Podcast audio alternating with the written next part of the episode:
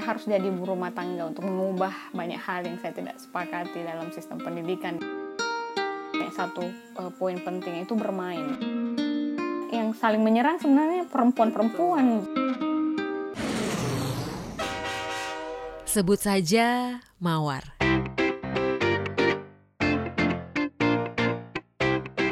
Sebuah terminologi dengan konotasi negatif yang sering dilekatkan masyarakat Indonesia kalau lagi ngobrolin soal perempuan. Di tiap episode podcast ini, saya mau mengajak kamu ngobrol sama seorang perempuan yang inspiratif tentang kegiatan yang dia lakukan. Apa saja tantangan yang dihadapinya, pencapaiannya sejauh ini, dan juga kegagalan-kegagalan yang bisa dia lewati dan akhirnya bisa dia tertawakan. Intinya, yang ngobrol sama kita nanti akan kita ajak berbagi pengalaman dan sudut pandangnya. Hal-hal yang menjadikan dirinya seperti sekarang ini. Dari Makassar, bersama saya, Mawar Lestari.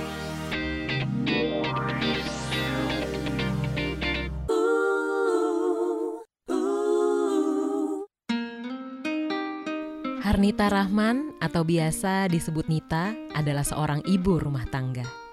Melalui kedai buku Jenny yang didirikannya bersama suami dan dua sahabatnya, Nita membentuk teater anak kecil sebagai upaya membangun ruang main anak melalui seni dan literasi. Kegiatan di KBJ bersama keluarga dan anak-anak di sekitarnya memberikan Nita kesempatan untuk meraih penghargaan dari Menteri Pendidikan dan Kebudayaan kategori perempuan bidang pendidikan kesetaraan di tahun 2018. Saya lupa di mana waktu itu Nita ngomong seperti ini.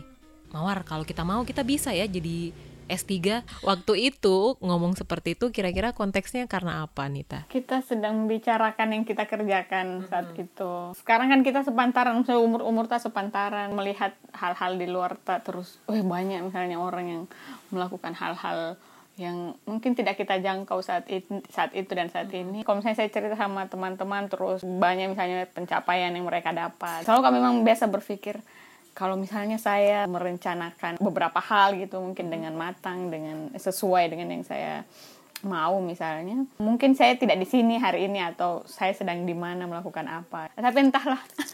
Masih kabur ya. Masih kabur. Jadi waktu itu kita lagi ngobrol tentang keluarga, tentang anak, tentang kegiatan, betul tadi yang Nita bilang tentang kegiatan.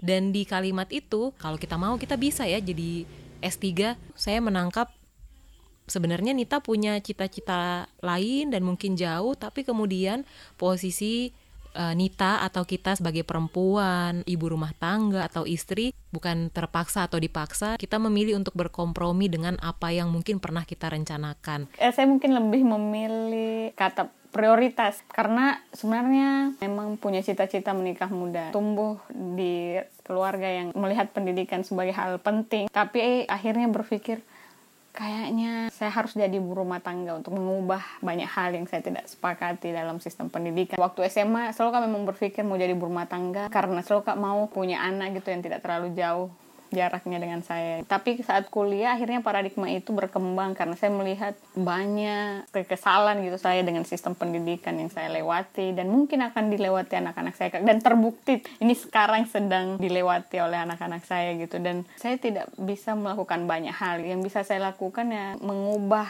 eh, hal-hal kecil dan itu dimulai dari rumah. Karena menurut saya hanya rumah gitu yang tidak bisa diintervensi oleh negara tidak bisa diintervensi oleh aturan negara, aturan pemerintah gitu.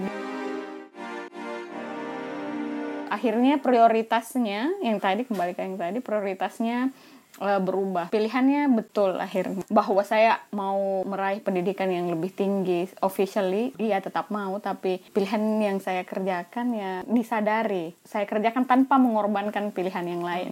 Nita ini ibu rumah tangga dengan bangga memakai label ibu rumah tangga, punya dua anak, dikirim ke sekolah, tetap mengikuti sistem pendidikan yang ada di Indonesia, tapi tidak memungkiri bahwa sistem kita masih ya butuh banyak uh, pengembangan. Di rumah membuat tanda kutip kurikulumnya sendiri, memberi nilai tambah, mungkin bisa jadi bukan nilai tambah malah ya, malah itu yang jadi utama Kemudian di sekolah itu cuma cari teman, cari pengalaman, bagaimana menyelesaikan dan menghadapi masalah. Itu tadi pendidikan rumah adalah dasarnya. Uh-huh. Jadi base-nya sebenarnya sudah harus uh, selesai di rumah, uh-huh. di luar adalah tambahan-tambahan. Harapannya begitu bahwa penanaman karakter nilai rumah menjadi pondasi yang paling utama. Jadi saya tidak pernah berharap menyekolahkan misalnya mahasiswa di sekolah akan dapat pendidikan moral dan karakter gitu karena uh, kayak berat sekali kok dong anunya guru-guru.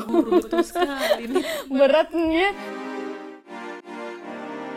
Dan menurutku itu tetap tanggung jawab orang tua. Dan di rumah memang harus sudah selesai. Jadi akhirnya kurikulumnya tidak baku gitu. Dia melihat cara kami hidup. Mungkin teman-teman belum tahu, jadi KBJ sepanjang di Makassar itu selalu bersama kami, di rumah kami. Konsepnya saya yang numpang ke KBJ atau KBJ yang numpang bersama kami. Awalnya rumahnya sebagai uh, ruang belajar bagi banyak orang, dan itu penting.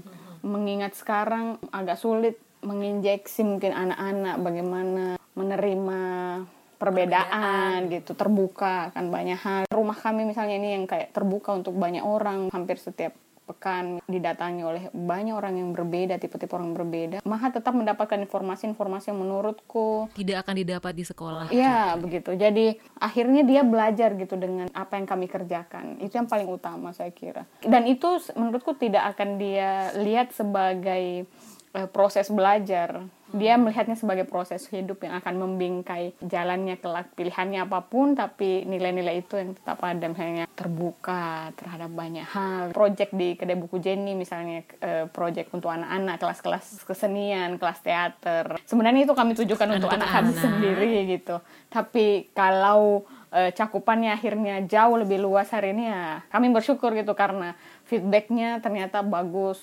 Banyak banyak orang yang mendukung. Kami juga berusaha untuk tidak kaku gitu karena melihat kebutuhan mereka juga apa yang mereka inginkan.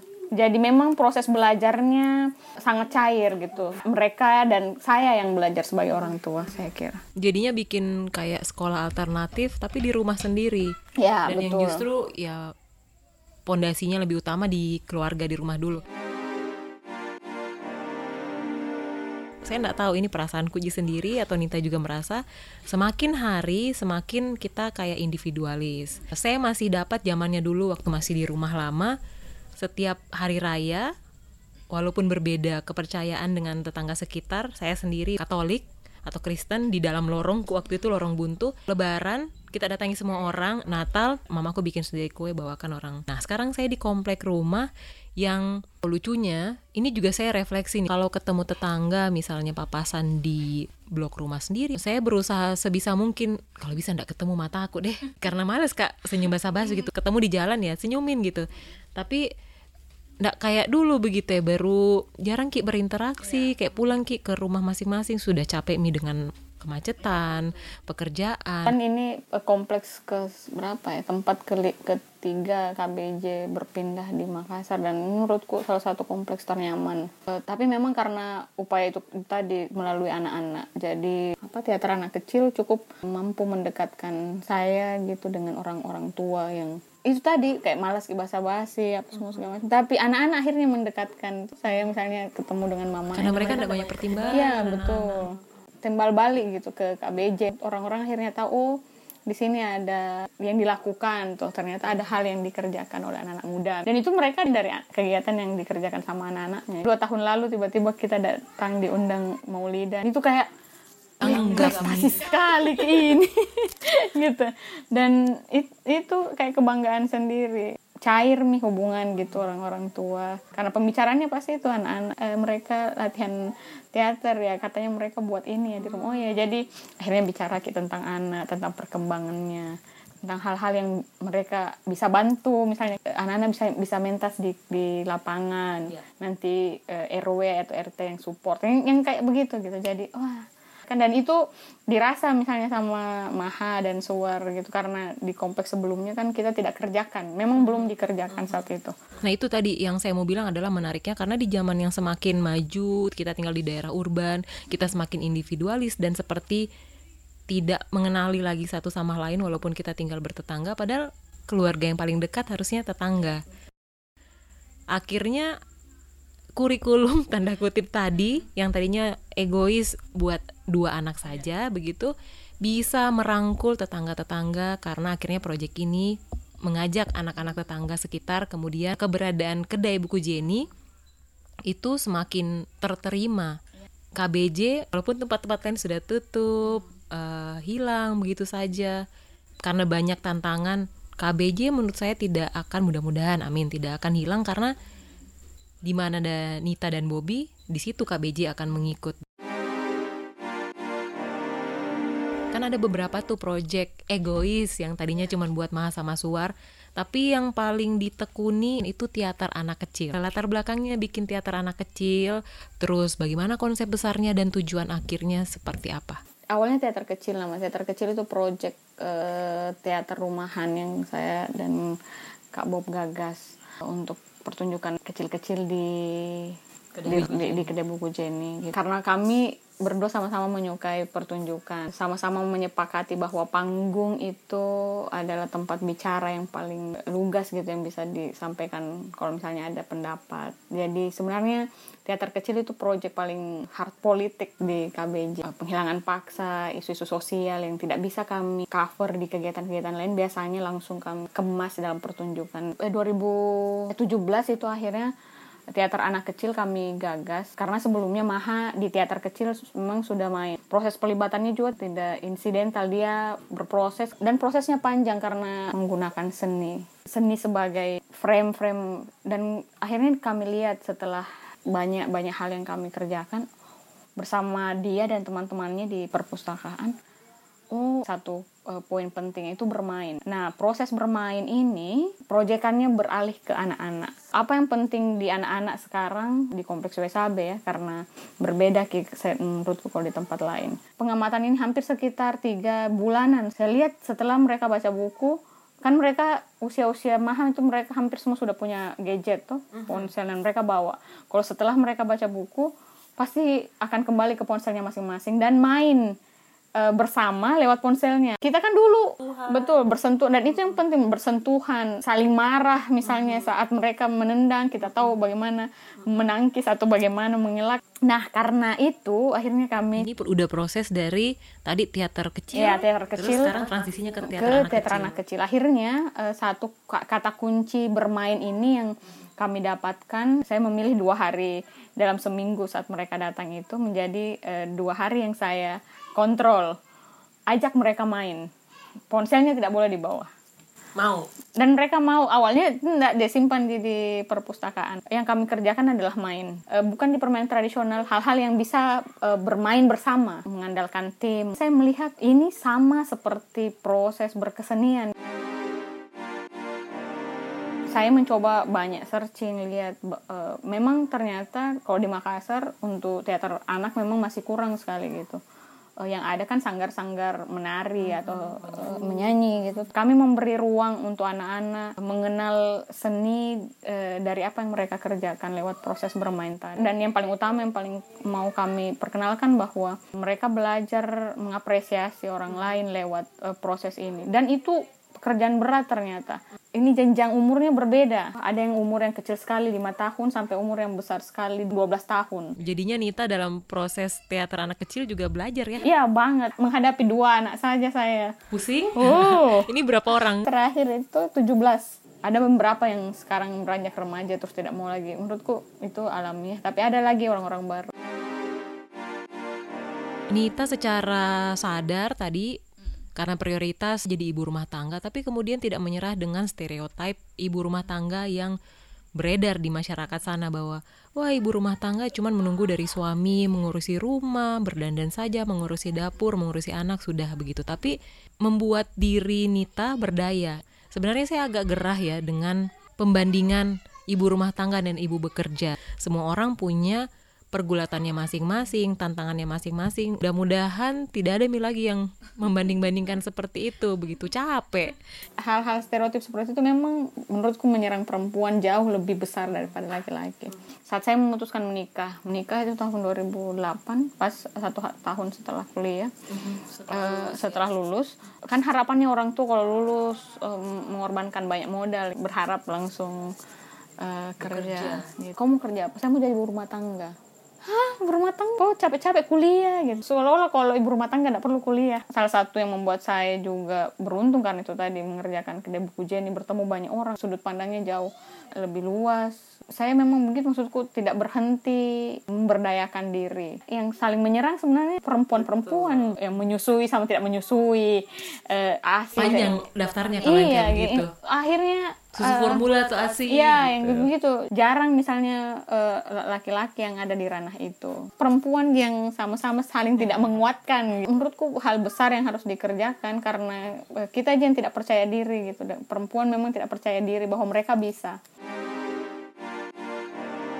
salah satu pilihan politik yang paling tepat yang saya kerjakan adalah berumah tangga. Perlawanan-perlawanan yang bisa saya tetap kerjakan dengan caramu sendiri. Ya, dengan cara saya yang uh, saya kerjakan berdua gitu tuh dengan suami. Kan biasanya kita perempuan dialihkan ke ranah-ranah domestik. Akhirnya orang bisa melihat misalnya ada pembagian kerja, ada kedudukan yang setara saya bisa juga juga marah sama hebatnya sama dengan suami saya ketika dia marah. Setara? Iya, setara gitu dan itu kami sepakati di awal dan jadi bagian pendidikan yang mungkin akan dilihat anak-anak. Oh, bahwa bapak ibu saya misalnya setiap ada sesuatu melibatkan kami keputusan-keputusan besar kecil yang dikeluarkan di rumah ini pasti melalui rapat kayak aneh kemarin saat suar pelajarannya tentang fungsi keluarga dia kan ada tugasnya sudah tulis. E, bapak kerjanya memasak gitu membaca kan selama hamil ini saya tidak tidak melakukan apa-apa gitu leye-leye terus e, ibu tidur tidur e, kakak main dia main sama kakak dibaca sama gurunya dan e, dianggap sebagai sebuah kesalahan emang harus sama semua yang dikerjain ibu-ibu polanya yang ibunya harus menyapu, yeah. bapaknya harus baca koran. Yeah. Kan itu pola pendidikan yang dari kecil. Ibu kan sekarang bisa juga baca koran. Bapak bisa menyapu. Makanya dia tanya, "Ibu, salah kayak ini Bu Per? Disalahkan ke sama guru?" Mm. Guru maka, "Enggak, nah, tidak semua keluarga sama." Gitu. kau jual buku Kristen mahal. Yang mana tuh buku Kristen? Bukan buku puisi, tapi ada salibnya oh, di ya atas. Ya baik-baik. Masuk, iya, dah, langsung dia bilang mahal. Ih, kan buku. Saya kan penjual buku. maha tahu maksudku yang datang ini tidak semuanya orang Islam di di, di rumahnya. Tunggu tunggu. Sebelum lanjut pernah nih teman-teman kejadian di Benteng Rotterdam? Waktu Inter eh, Makassar International Writers Festival suar lagi di tangga ya kan? Di area taman baca. Terus tiba-tiba teriakin saya tante mawar. Iya nak. Tante mawar ya nak. Ibuku bilang tante mawar Kristen oh iya Om Indra sholat. Oh iya. Iya kan? Saya mikir dalam hati oke okay, terus? Itu bukan sesuatu ya lumrah ya. Tapi karena sudah sering beririsan sama orang-orang yang tidak semuanya dari latar belakang sama kepercayaan yang sama kemudian anak-anak ini terbentuk untuk mungkin lebih terbuka ya kalau misalnya eh, ada beberapa teman-teman yang homeschooling menurutku itu mungkin pilihan tepat. Melempar dalam tanda kutip mereka ke sekolah negeri itu kerjaannya jauh lebih sulit. Setiap pulang eh, mereka punya kebiasaan misalnya bercerita. Mau tidak mau saya prioritaskan kali pertama. Mendapati misalnya masalah di sekolah ya itu yang harus langsung kami clearkan gitu. Oh seperti ini nah bukan salah.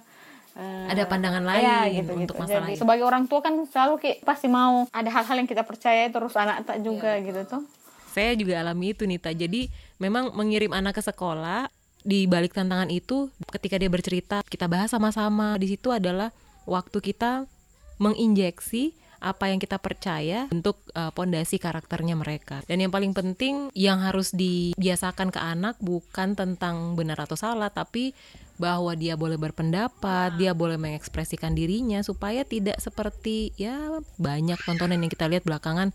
Orang lagi berdebat ketika beda pendapat naik langsung yeah. nada suaranya. Tidak harus perdebatan itu berakhir dengan jadi sepakat di satu titik yeah. kedua orang nggak apa-apa tetap ada di dua titik tapi kita sama-sama beda. Oke, okay, yeah. udah gitu.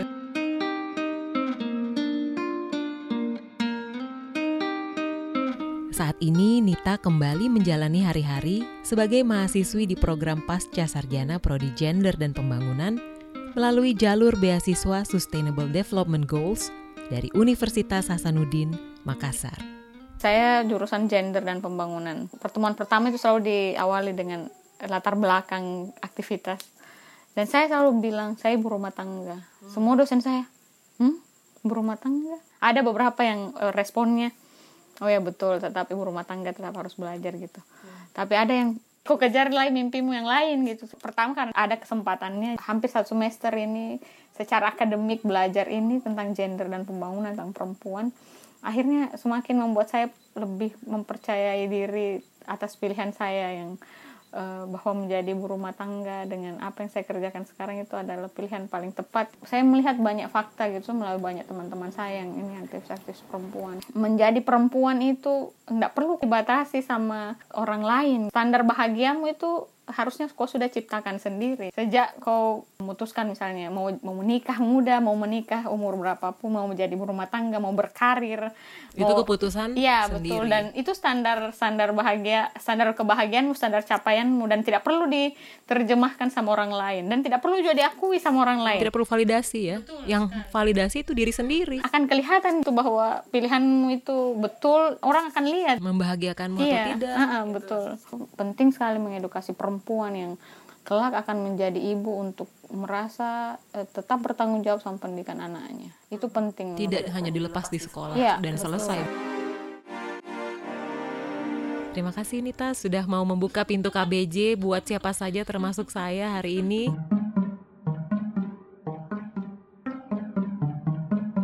Itu dia akhir dari episode yang kedua. Saya senang sekali menerima komentar dan kritikan kamu dari episode yang sebelumnya. Pokoknya apa pun yang kamu mau sampaikan, kirimkan lewat email halokemawar at gmail.com. Jangan lupa follow Instagramnya juga at podcastmawar. Tungguin episode tiganya ya.